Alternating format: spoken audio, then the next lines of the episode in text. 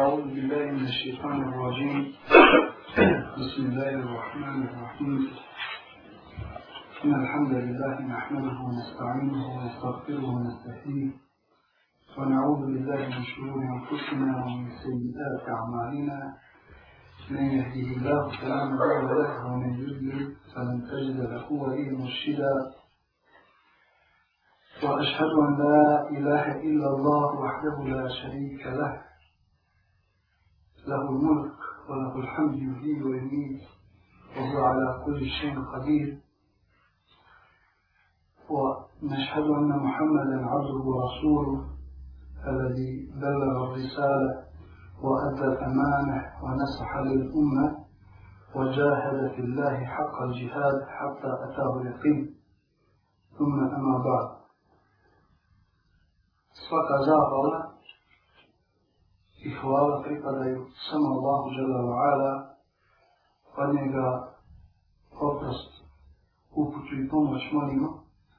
Koga Allah žele šanu uputi na pravi put, da će biti strata, da će biti uspješan u ovom svjetskom i ahiretskom životu, a onoga koga ostavi u zabudi, ili ga odgleda u zabudu, takav je nesretnik, kakav će biti upropašten, kako u ovom svijetu, tako i u ahiretskom životu. Svjedočimo da mi ima istinsko obožanstvo mimo Allaha Želevala i da je Muhammed sallallahu alihi wa sallam, Allahu posljedni poslani, naš kustovođa ka sreći u miru. Rekao je Allahu poslani sallallahu alihi wa sallam, تهادو تحابو وداليو هدية لدن زوجي مات تاكو تتسدولتي في رقع القصان صلى الله عليه وسلم وحديث كي زبير جنان الترمذي وده هريرة رضي الله تعالى عنه لم تدخلوا الجنة حتى تؤمنوا ولن تؤمنوا حتى تحابوا أولا أدلكم على أمر إذا أنتم فعلتموه تحاببتم أشر السلام بينكم إذا استمعت أوتي وجنة سلف نبدي تستنسكي بيروال أما إشتبيتي Nećete istinski vjerovati sve dok se ne budete međusobno voljeli. Da li želite da vam ukažem na nešto što ako budete činili, međusobno ćete se zavoljeti. Pa je kazao sallallahu alaihi wa sallam e, širite salam, nazivajte salam jednim drugima. Poštovana braćo i cijenjene sestre, ja nema večeras neke materijalne hedije da, da izmam i smiješak na našim milim licima, ali zato ću uputiti Allahu Đelešanu domu za vas onako kako nas je u navedenom hadisu posavjetovao da bi na taj način izmagio vašu ljubav, vašu simpatiju. Assalamu alaikum wa rahmatullahi ta'ala wa barakatuhu.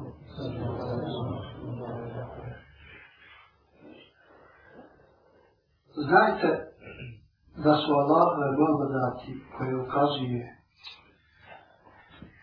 čovjekom insanu, doista mnogo brojne.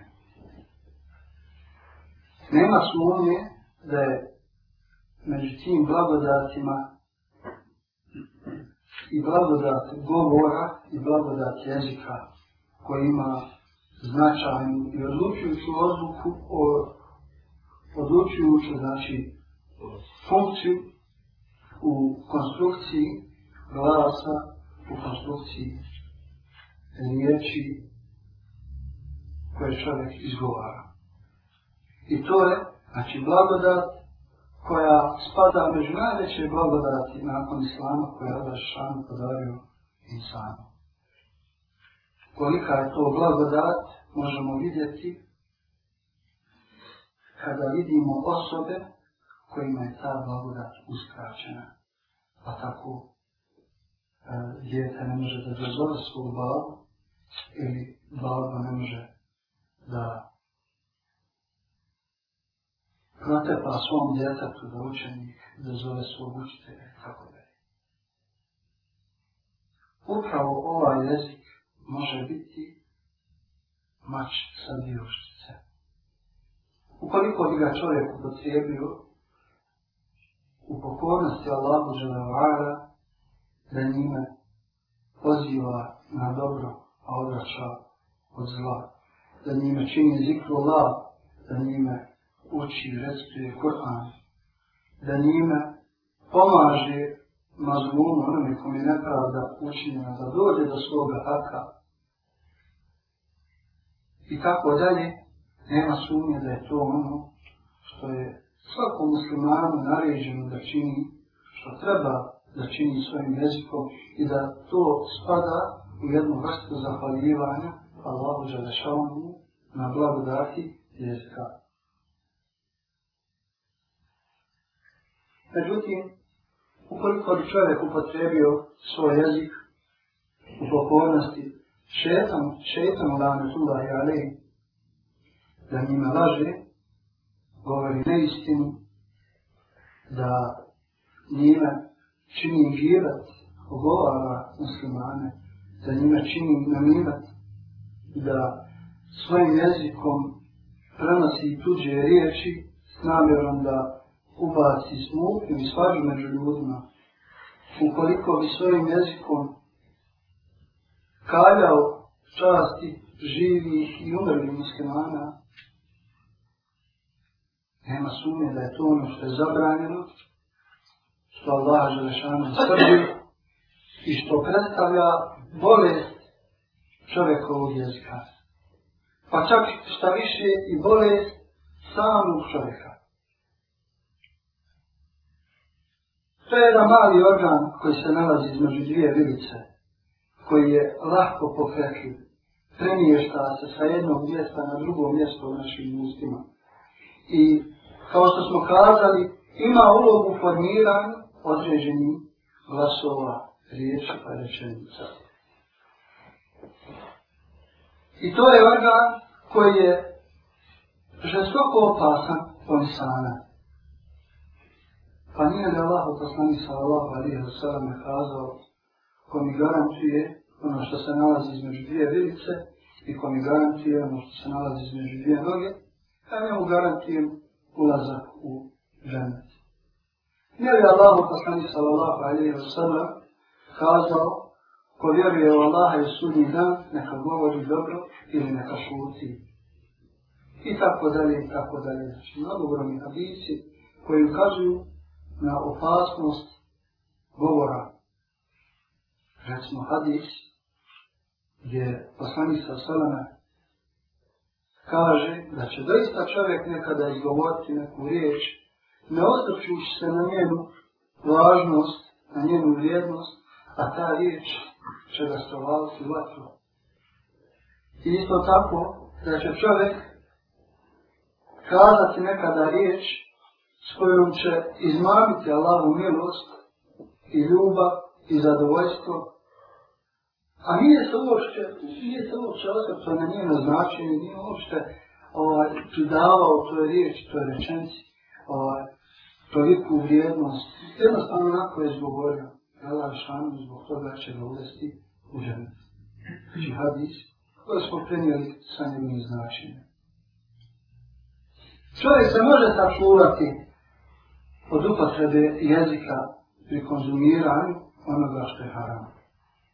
Jednostavno kaže neću da konzumiram to mjesto zato što to mjesto nije halal. Ili neću da pijem ono što je Allah zabranio jako sporo. Velike zabrane, kada je šan zabranio. Isto kao što se može sačuvati od bluda, od krađe i drugih velikih grija. Međutim, teško se može sačuvati od izgovora nekih riječi koje mogu biti velika šteta po njega i njegov polodunjalički i ahiretski život od da možemo primijetiti čovjeka na koga se šareti rukom, da je to čovjek koji je izuzetno dosljedan izrašavanju neki i badjeta. Čak šta više, da je to čovjek koji, koji je u stanju da se strpi pri izrašavanju i badjeta kojima mnogi ljudi nisu dolični koji posti na filu, koji klanja na filu, koji posti u zabravom danu, dok ljudi jedu, piju, raslađuju se, ili koji klanja noćni namaz, dok drugi ljudi spavaju, međutim, i pored toga, desi se ne. Takva osoba izgovori nešto što može biti e, velika opasnost ponovno.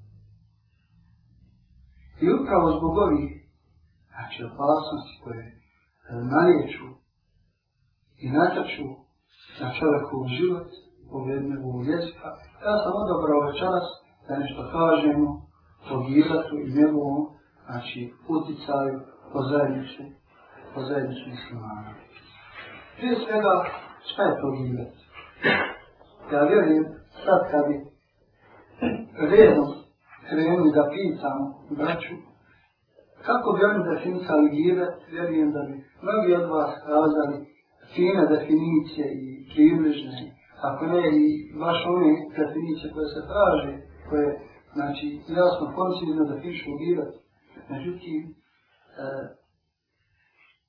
ne smo kazali nikad stažetu definiciju i, i lijepu onako kako je poslanik sa sveme izgovorio. Poslanik sa sveme je kazao, jedan prilike je pitao ashabe na tabrunu na gibe, da li vi znate šta je gibe, šta je to govarali? Pa su ashabi kazali, Allah i njegov poslanik najbolje znaju, a pa je poslanik sa sveme kazao, Zikru filhake bima je krat da je da razgovaranje, da spomeneš svoga brata, da spomeneš osobu po onome što ona ne voli. Da se ono je spomenuo. A govorit ćemo šta je sve gibet, šta predstavlja gibet. Znači definicija koja kaže da je gibet spominjanje osobe spominjanje brata po onome što on ne bi volio da se o njemu iznosi. Misli što znači u njegovom osustvu. Jer u trenutku njegove nepažnje spomenut ćemo primjer za sve ovo. Znači, to je gibet. Kakav je propis gibeta? Islamski učenjaci su kazali da je gibet jedan od velikih grijeha. I na ovom stavu su svi učenjaci jednoglasni. Znači postoji žma ili koncenzus islamsko vreme da je ibe strogo zabranjen. Dokaz tome je ajet u Kur'anu gdje Allah Jerašanu upoređuje gibet sa nečim što je izuzetno odvratno ljudima. Upoređuje ga sa konzumiranjem mesa umrlog brata. Uvijek. I zamislite, braćo, e, neku dragu osobu vama, s kojom se toliko prišli i nadvajate se, vladnije i često se sanjuju ljusku na ulici. Koliko bi vas pogodila njena smrt? Koliko bi vas raspužila? Koliko bi se vaše stanje promijenilo zbog njene smrti? Znači, jedan događaj koji bi sigurno izazvao e, neke tužne emocije u vama. A šta mislite da se usudite da konzumirate meso te osobe koje, koju toliko volite, s kojom ste toliko bili prisni? Toliko je to ljudima odvratno, koliko a, e, bježe od toga i koliko to ne bi voljeli da urade u svom životu. Isto tako je i ide, znači nešto što je izuzetno odvratno i štetno i što od čega bi čovjek znači, trebao posebno da bježi i da bude znači odvratno. Rako je Allah Želešanu, وَلَا يَتَ بَعْدُكُمْ بَعْدَ سَيُحِبُ أَحَدُكُمْ مَنْ يَكُلَ لَهْمَ لَخِيهِ مَيْتَ فَكَرِهْتُ مُوْ Kaže Allah Želešanu prijevod znači ne pologajta i ne ogovarajte jedni druge zar bi neko od vas volio da konzumira, da jede meso umrlog brata svoga, a to je ono što toliko mrzite, što toliko prezirite, od čega se gnušate. Či znači, aje, sura kudurat. I odate, kažemo, da osoba koja govara osobu, da je kao ona koja konzumira meso, voljene osobe koja je umrla. Jedne prilike Ajša radijallahu ta'ala anha rekla Allahom poslaniku sallallahu alaihi wa sallam Hasbu ke mu safijetim keda ve keda Dovoljno ti je što je Safija, znači jedna od žena Allahom poslanika sallallahu alaihi wa sallam Takva je takva mislila je na njenu miskost Kako je mala, pa je poslani sa sveme kazao, izgovorila si riječi koje ukoliko bi se pomiješale sa morskim vodama, sa vodama mora, ta riječ bi sva mora zaprljala. Ta mora su vodu bi zaprljala. Toliko je ta riječ teška, toliko je prljava, toliko sa sobom nosi prljavštine da je dovoljna da zaprljala morsku vodu.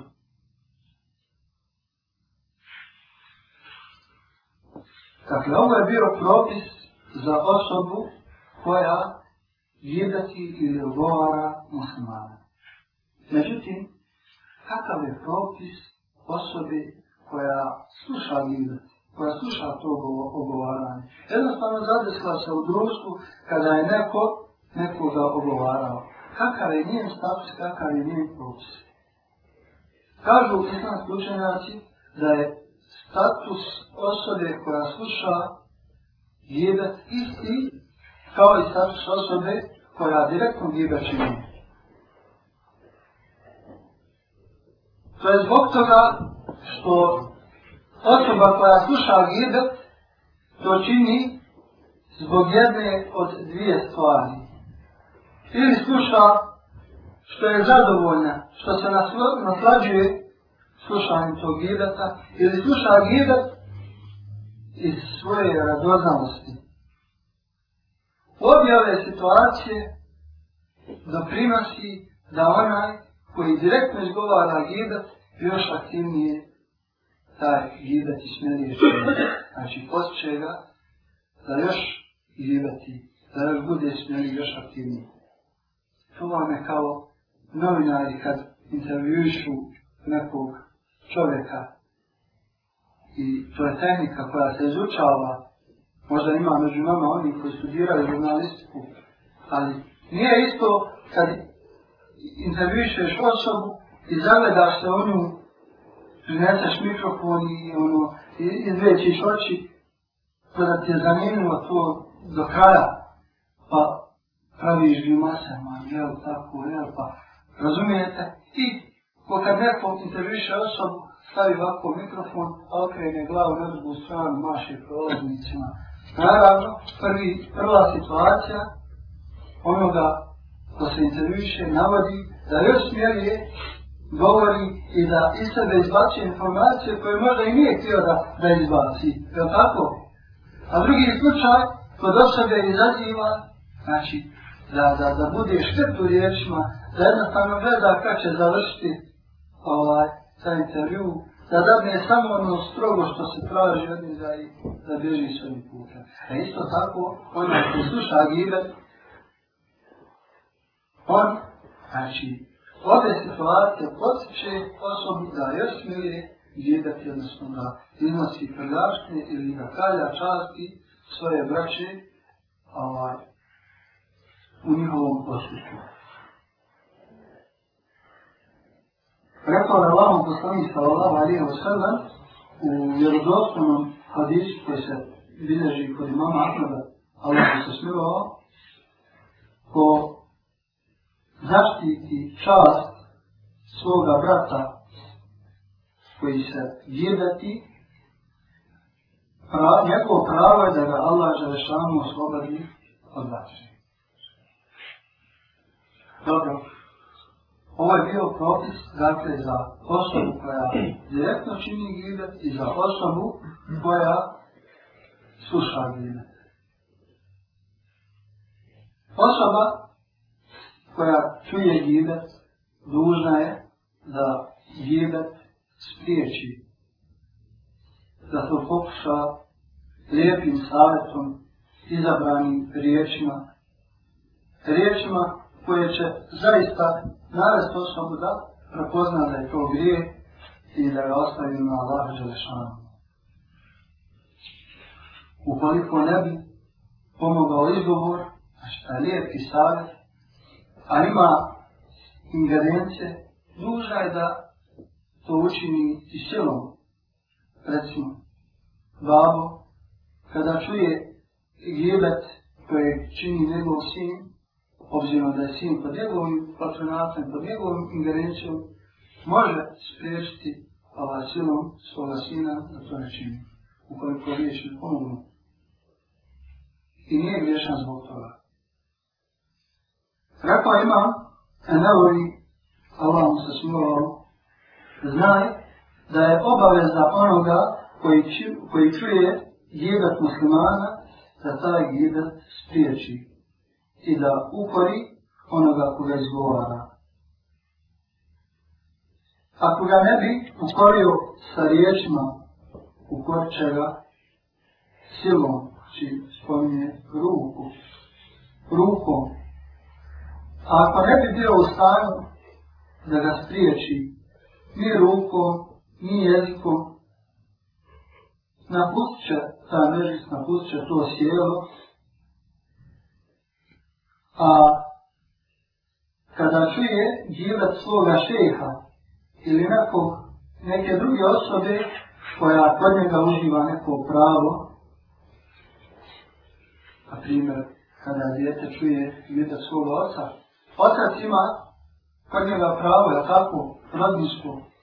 Kada bi čuli, recimo, djivac naše komšije, i komšija ima kod nas pravo, je tako, znači, ukoliko bi čuo, gledat osobe koja kod njega ima neko pravo ili gledat ljudi koji uživaju neku vrijednost i koji su čuvani po dobroti, njegova brižna da taj gledat sljedeći postaje još većom.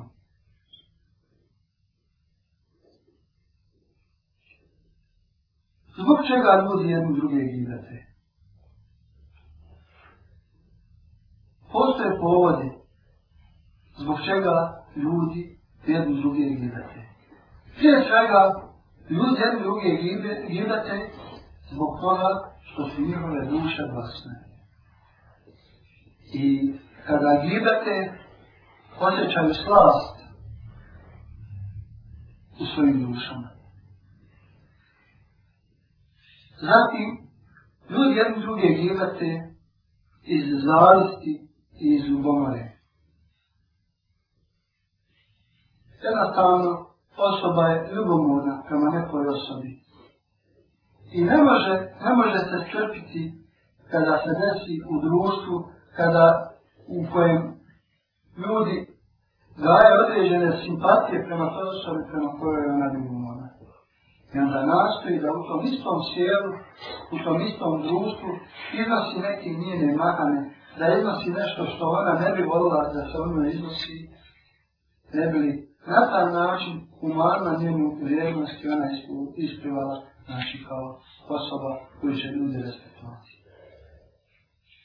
Ljudi jedni druge gledate zbog mržnije. I to je povod. Ljudi, neke ljude ne mogu podnijeti. Jednostavno ih ne volim. I kako mogu da se strpe u sjelu, a da ne iskale svoj vijest prema toj osobi, da njenu čast ne ukalje i ne izbace ono, onu mržnju koja se nalazi u njihovim grudima.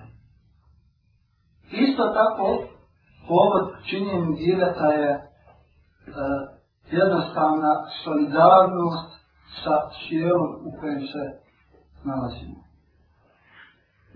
U svijemu smo i čujemo gibac. A nismo hrabri da taj gibac zaustavimo i ne želimo da ga zaustavimo. Eto, ako bi ga zaustavili, onda odmah bi bili izuzetak. Bila bi bijela ovca u crnom stadu. I ljudi bi kazali, na šta ti bježi, šta ti pričaš, umanjili bi sami svoju vrijednost koliko bi pokušali da stječemo gira i onda jednostavno sa upustima i mi nešto dodajemo od, od tog gira, taj ostane gidečar, ili direktni ili indirektni. I to vam je braćo. Kao vozba griješnika koji sede za jednom sokrom i otkidaju meso voljene osobe. Sva pomalo otkine i stavi na svoje konto koji će naći onda kada se najviše bude pašio da nas Allah Želešanu sačuva od jebata i od zlih namjera. Ajmo sada da se zamislimo kakva je to osoba koja ogovara kvalitet muslimana.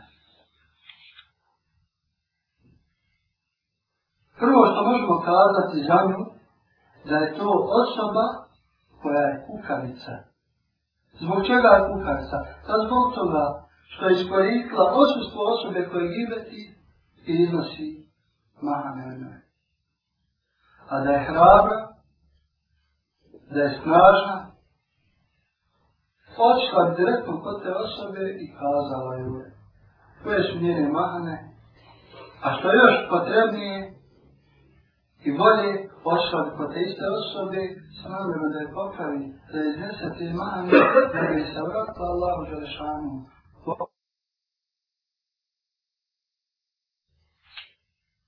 Zatim, osoba koja gibati muslimana, e,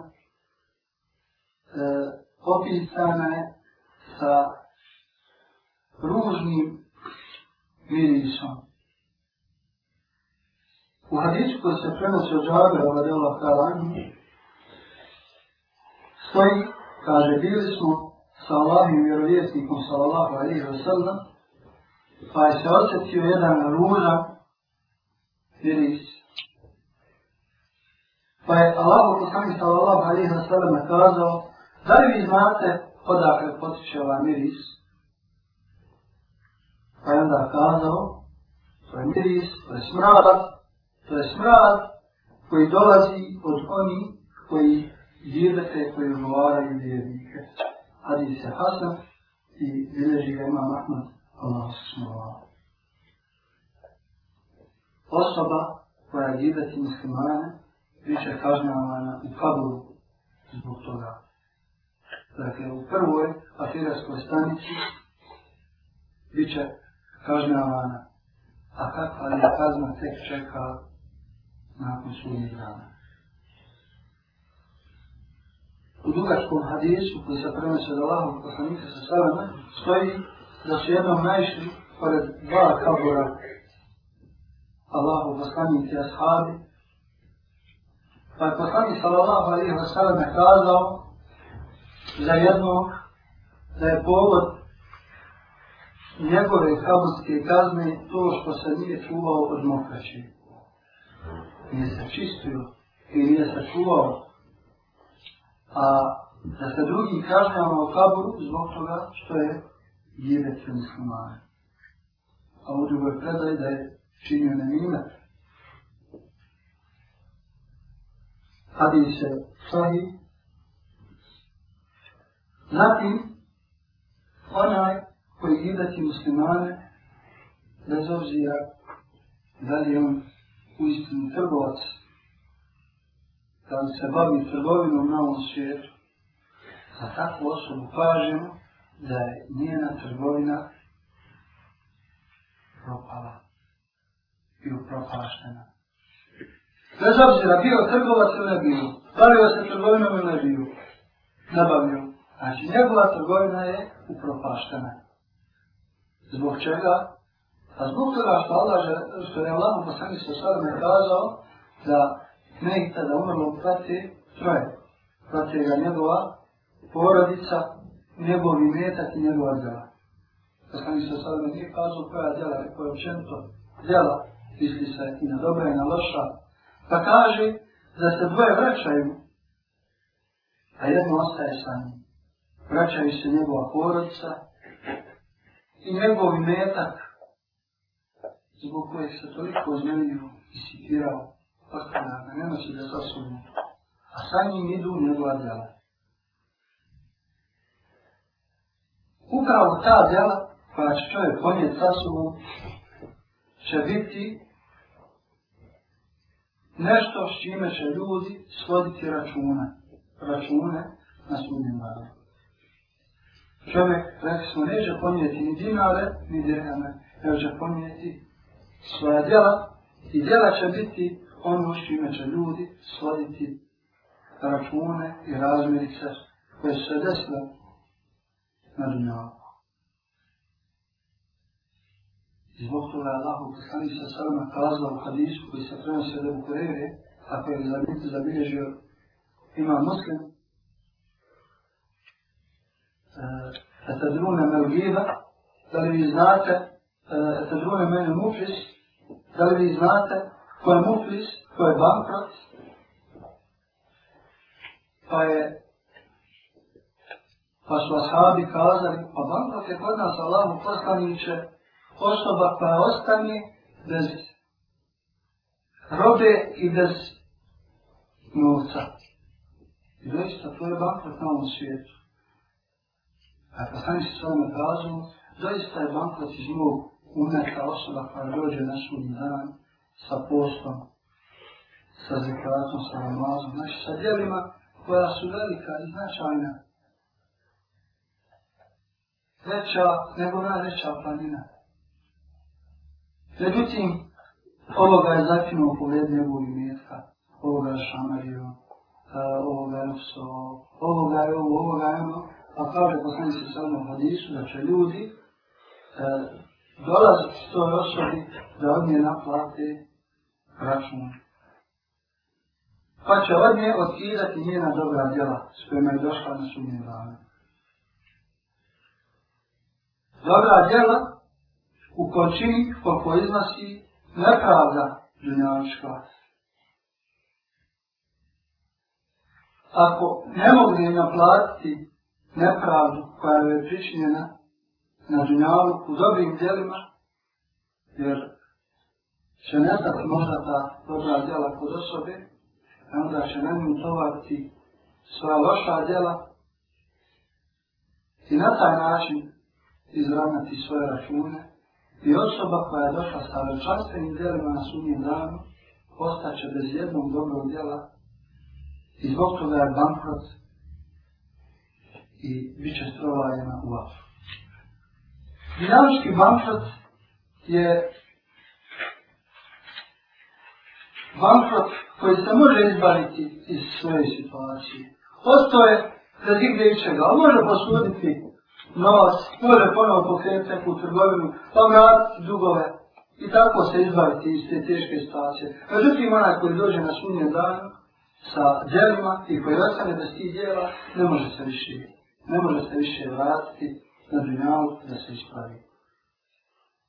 I zbog toga, i zbog toga će ljudi tražiti od Allaha Žešanu da ih vrati na dunjalu, ne bi li još učinilo, učinili koja, koje dobro djelo, koje su propustili, a Allah Žešanu im to neće dozvoliti. Dobro, zadovoljimo se s to. Ovom mjerom, napravit ćemo malo pauze, pa ćemo nastaviti ako budemo. بسم الله والحمد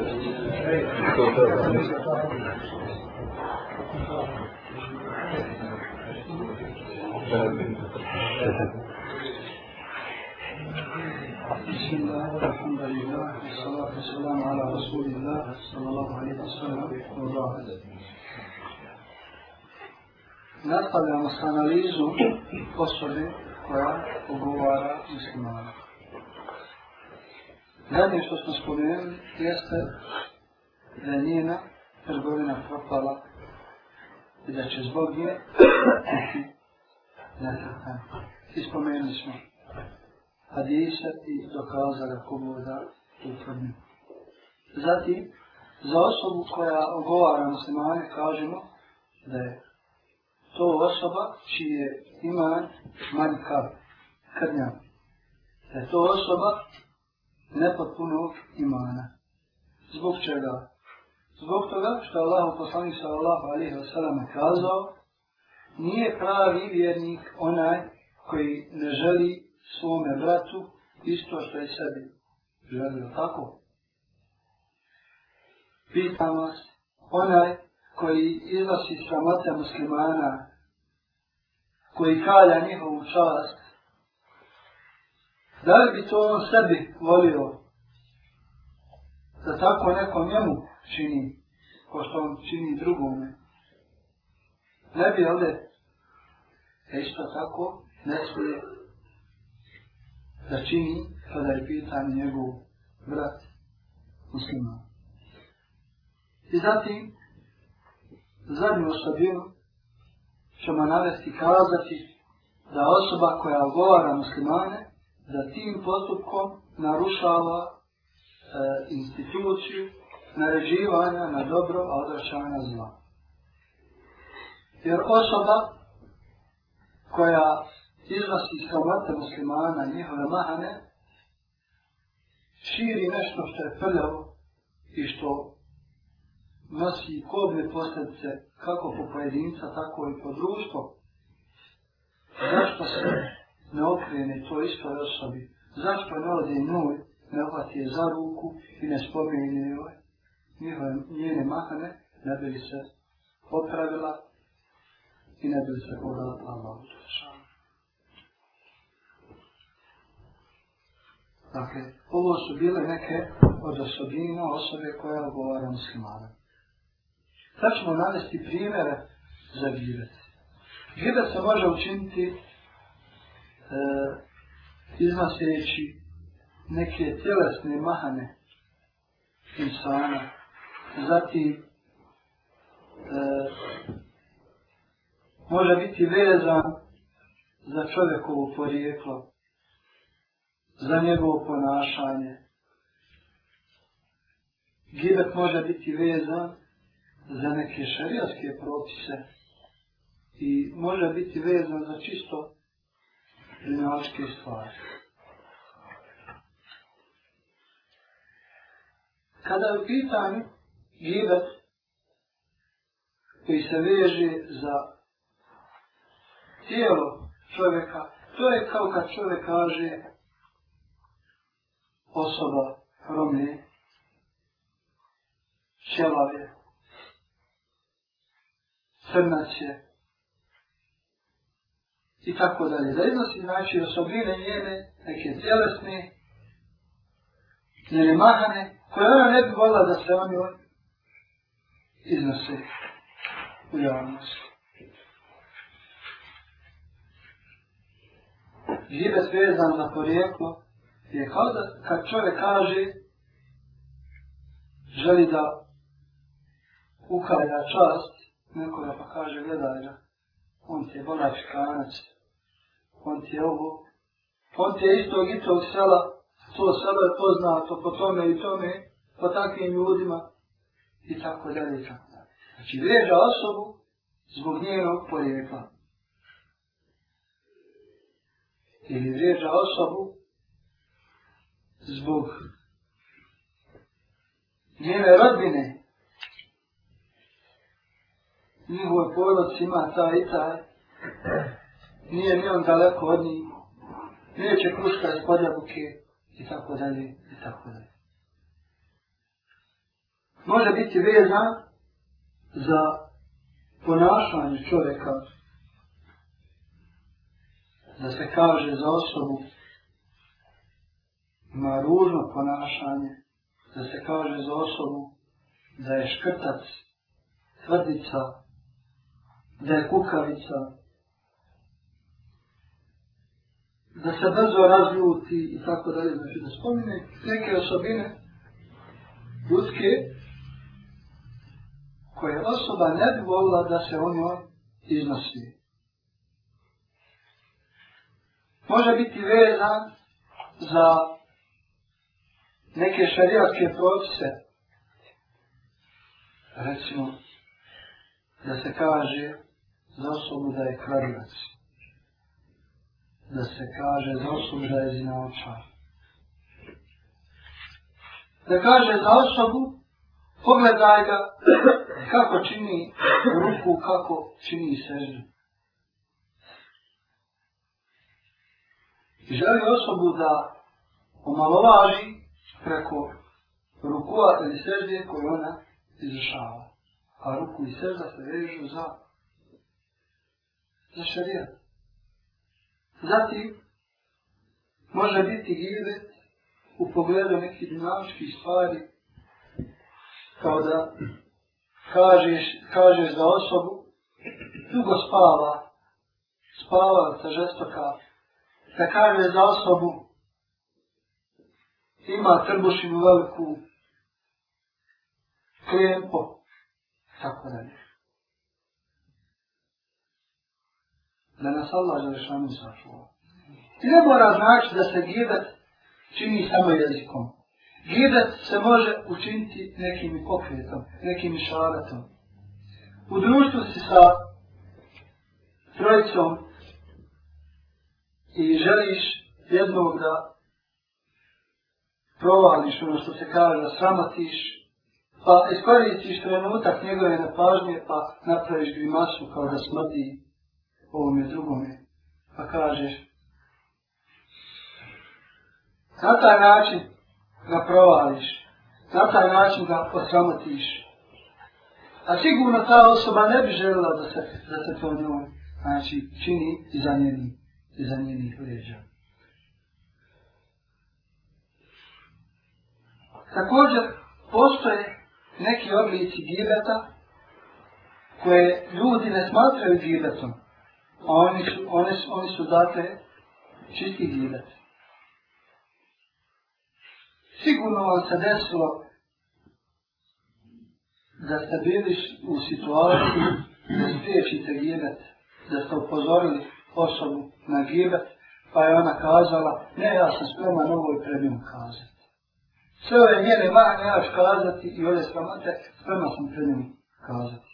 Pred osobom koju je oživio cijelo.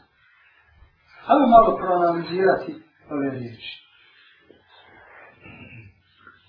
Ona je spomenula mahane svoga brata, koje on ne bi volio da se o njemu iznosi. A kako? A nakon toga je kazala, ja sam spreman da ovo kažem pred njim ili pred njom. Za prvi dio je došla zabrana u šarijatu. Jer prvi dio okarakteriziran kao gibet, jel da jeste? Da vidimo ovaj drugi dio, gdje se kazalo, gdje je kazao, ja sam spreman ovo da kažem njemu lice, pred njim. Je li u šarijatu došlo ikakav dokaz da to, ta spremnost da čovjek da iznese mahanje pred osmom, da to izuzima iz gibeta? Nije.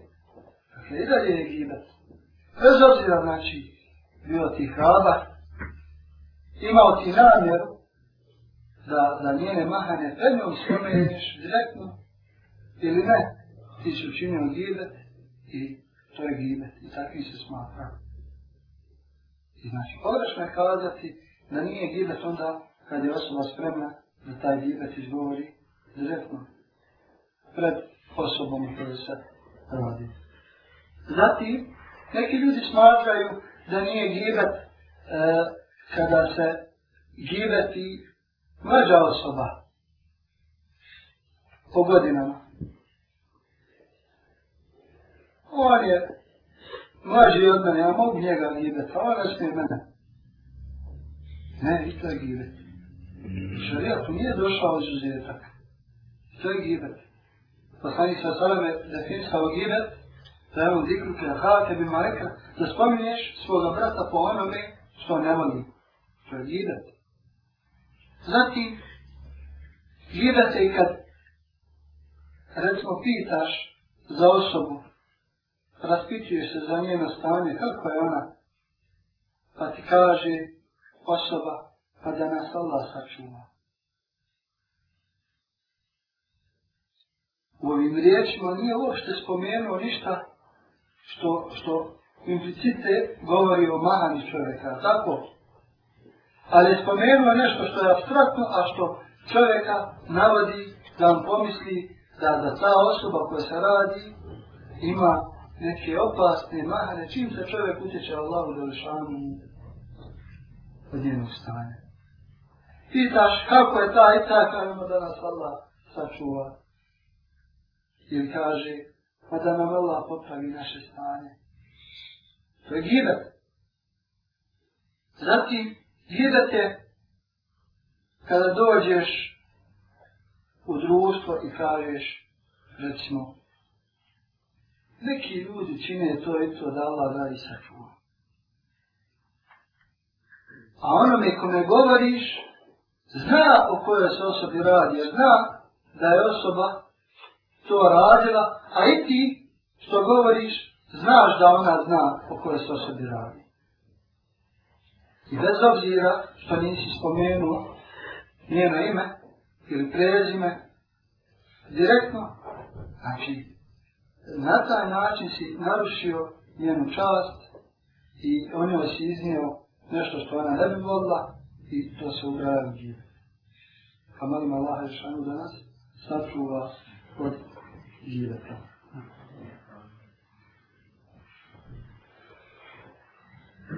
Kako se izliješiti od života? Jedno veliko pitanje. Zato postoje dva načina. Prvi način je da se iskreno pokajemo Allahu za rješavanje. Da učinimo teubu. A naša teuba, da bi bila ispravna, ona mora da u sebi obuhati određene uvjete. Recimo, treba čovjek da odmah smjesta ostavi činjenje grijeha. Zatim, da odluči da se više neće nikada vraćati na grije koje je učinio. Zatim, da osjeća grižnu savjesti i da ga boli to što je pogriješio, što je učinio grijeh zašto je vraćao? Vjernik i najmanji gre osjeća kao, kao da stoji u podnožu jedne planine koja samo što se nije strovala na njega. Za razliku od monarka i semera, koji najveći gre smatra kao jednu muhu koja sveti na njegov nos, kao samo ako mahne i ona ode više se nikad ne vraća na njegov nos. I zamislite sebe, braćo, da stojite u podnožju jedne velike planine. I poznato je da, da se sa te planine konstantno obrušavaju velike stenčurine i da padaju direktno na to mjesto na kojem stojiš. Kako bi stojao? Bi bi bio spokojan na tom mjestu. Ne bi, nego bi gledao da ugrabiš svaku priliku da pobjegliš sa tog mjesta, da sačuvaš svoj život. A kako? Jer te vreba opasnost da ne padne stijena na tebe za tebe ne samelje, da ne zrobi. Da e takvi trebamo biti kada pita najmanji gri, a pogotovo kad se radi o ovom velikom grijevu, kao što je gribet ili ugovaranje, mislim. To su bila tri uvjeta koja trebaju da se nađu u našem pokajanju kada smo pogriješili prema Allahu Đelešanu. Međutim, ako smo pogriješili prema nekoj osobi, tada treba dobiva i četiti svoj uslov, uslov ili uvjer. On glasi da se izmiri, znači, taj spor da se ode i zatraži halala od osobe prema kojoj smo pogriješili. A e sad se ovdje postavlja pitanje, što uraditi? Da li otići osobi i kazati joj ja sam tebe ogibetio na tom i tom sjelu. Pogotovo ako, ako znam da je osoba eksplozivna, da se e, naruditi da od onog halala koje smo očekivali ništa neće biti. Šta uraditi? Kaži sam ti učenjaci znači, da ako osoba nije čula da smo ih gibetili, da ne trebamo ne vratići i spominjati taj gibet nego da trebamo podimiti ruke Allahu Đalešanu i učiniti dobu za to što. Da zavolimo Allaha Đalešanu da je opasni grije, da, da je se smiluje, da je poveća njene dreže i tako da je. I nastajati, e, ako ne ono istom stijelu gdje smo govorili tu istu osobu, onda da raširimo među mnogim ljudima neke lijepe osobine, koje posjeduje ta osoba. Znači, suprotno od onoga što je prozrokovao gire. Gireto smo kavljali njenu čast, a kada spominjemo neke njene lijepe osobine, sada njenu čast još činimo uvrednijom i boljom. Pa kako? A šta ako se desi da je osoba čula gibet? Da smo ih gibetili. E onda, onda je bolje otići za te osobe i priznati svoju slabost. Da su to bili trenuci naše nepažnje. Da su to bili trenuci kada nismo plano razmišljali, kada nas je savladao šetan, pa smo kazali to i to. Da se iskreno kajemo, da nam je teško zbog toga da tražimo halala. Ako nam osoba ne bi halalila, Tada treba opet dignuti ruke Allaha Žešanu za mokti, Allaha Žešanu za tu, do, za, za tu osobu dovi i kažu islamski učenjaci da treba povećati sa činjenjem dobrih dijela. Spremajući se za dan kada će se kada će ljudi stvoriti svoje račune preko dijela. Ovo je bio prvi način liječenja. A drugi je da, da se vratimo na povode žibeta koje smo činili. I da liječimo zlo u njegovom koljenu. Ako smo živetili osobu zbog toga što smo ljubomorni i što smo posjedovali zavisno, tada trebamo da liječimo tu svoju ljubomoru i svoju zavist. Ukoliko smo gibetili osobu zbog toga što je mrzimo, tada trebamo da liječimo tu svoju mržnju, jer muslimani trebaju da vole sve ljude i da svim ljudima žele dobro. I da prema svakom budu nasmiješeni, je tako? ukoliko smo gibe činili zbog društva u kojem smo, u kojem smo bili. Da treba pogledati da li mi trebamo zaista da ostanemo u tom društvu.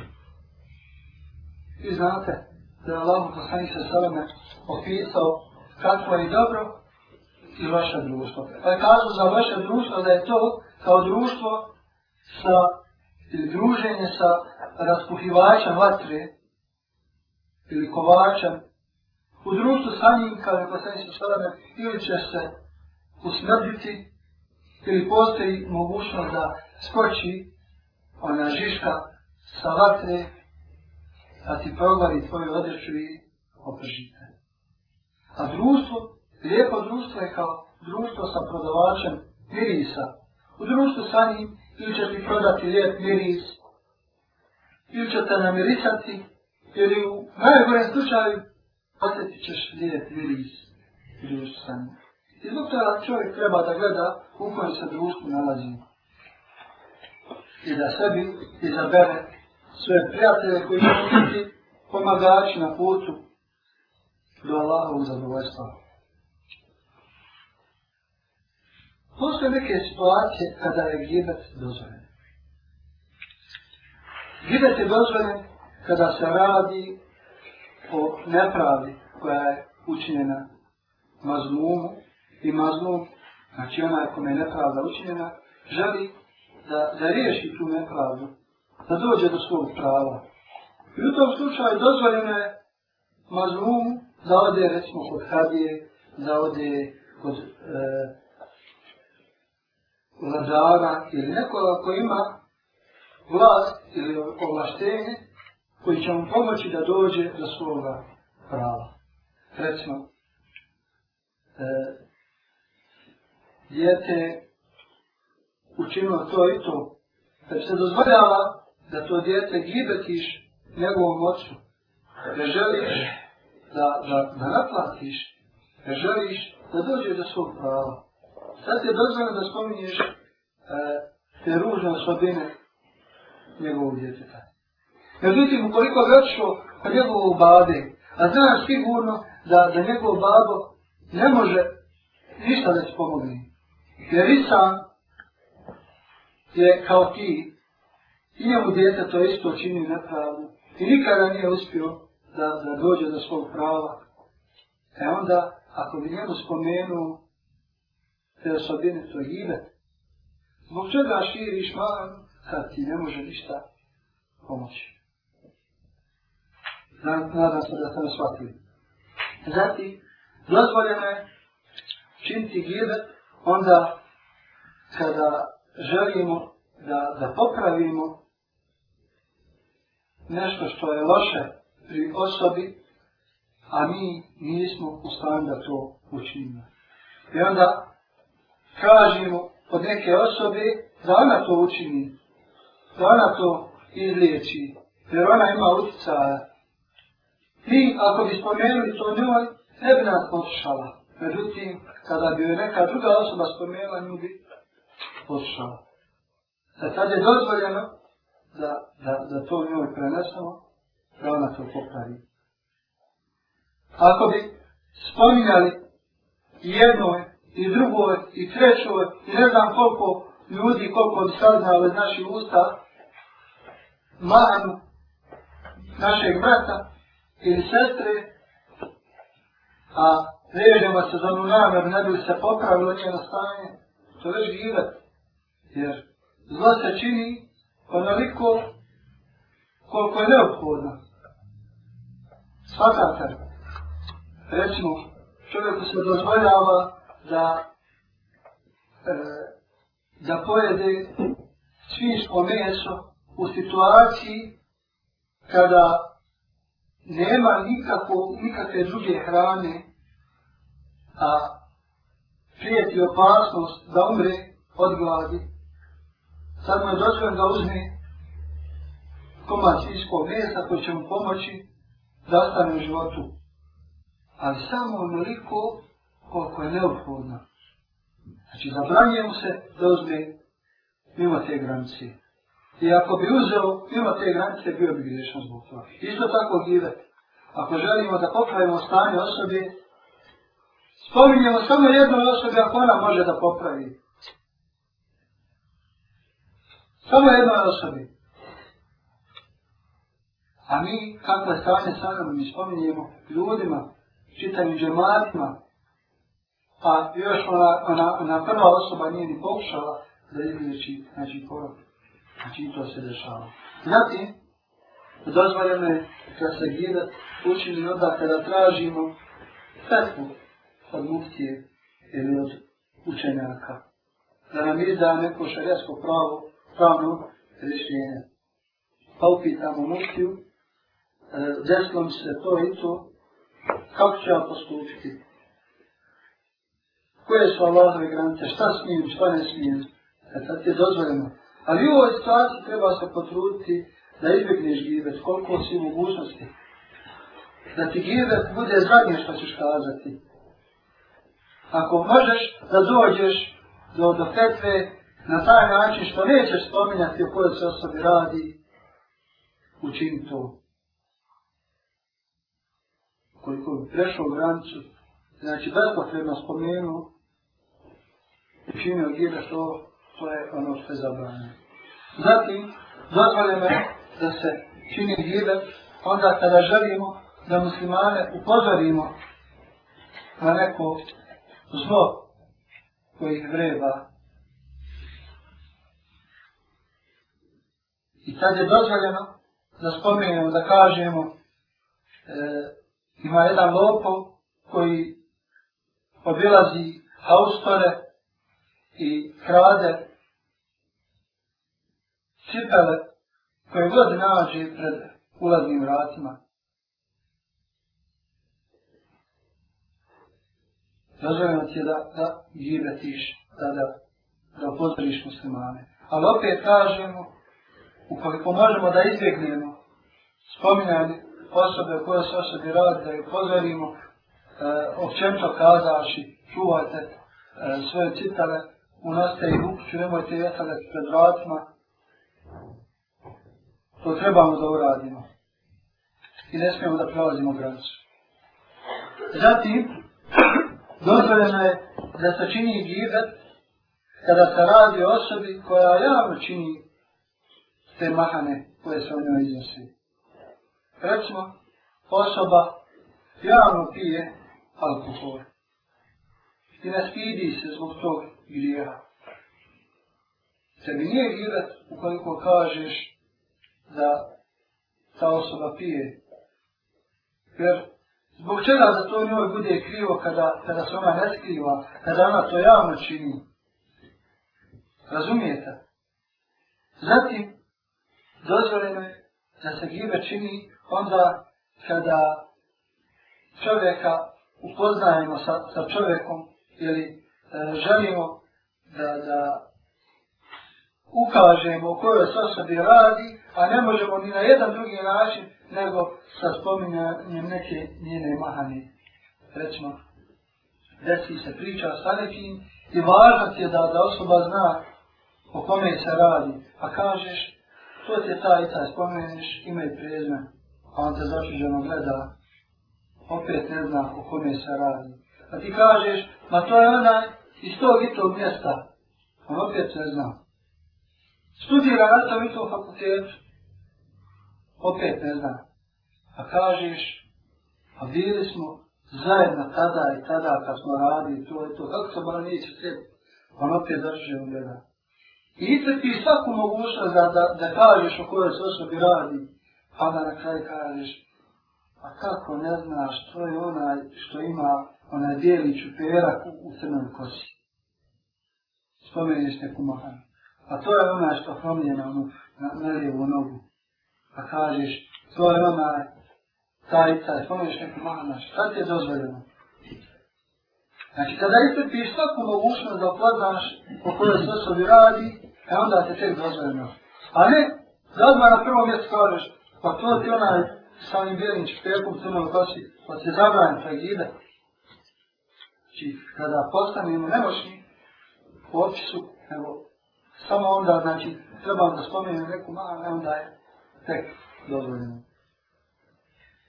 I prilikom ovih situacija, znači, čovjek treba imati u vidu neke stvari, prije svega da bude izuzetno iskren prema Allahu Đerašanu, da taj gibet ne čini zbog svog vlastnog interesa, nego radi Allaha Đerašanu, u ime Allaha Đerašanu.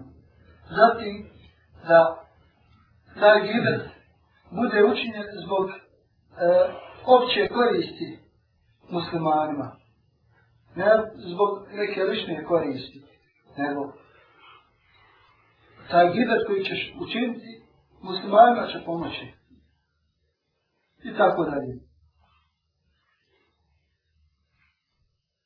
Ima nešto što je još teže od ove vrste gibeta kada se spominu mahane. Mahane muslimana, mahane ljudi, a prisutno je pogotovo u našem vremenu. Vi znate, gibet je kada spominješ, kada iznosiš neku mahanu o svom bratu.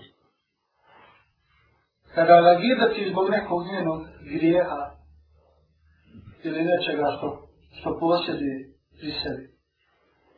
Međutim, Postoji situacija kada, kada je, je još žešći, još opasniji djedat. Što je onda kada se muslimani djedate zbog svoje pokornosti Allahu da rešavaju ljubom poslanih sosala.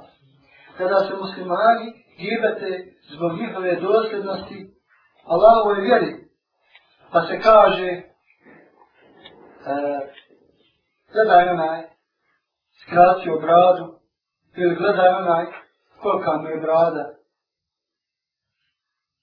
Ili, kaže sestra sestri, za sestru skinula nikab, ili kaže, ne nosi nikab.